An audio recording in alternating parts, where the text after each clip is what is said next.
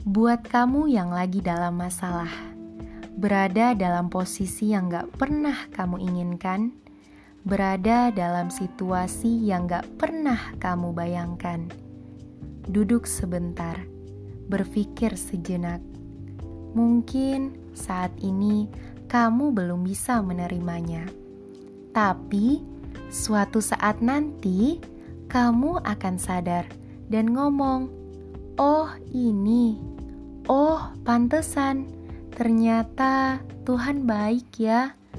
Ternyata percaya, rencana Tuhan tidak pernah salah dalam hidup kamu. Rencana Tuhan tidak pernah gagal dalam hidup kamu. Waktu Tuhan selalu tepat. Kalim.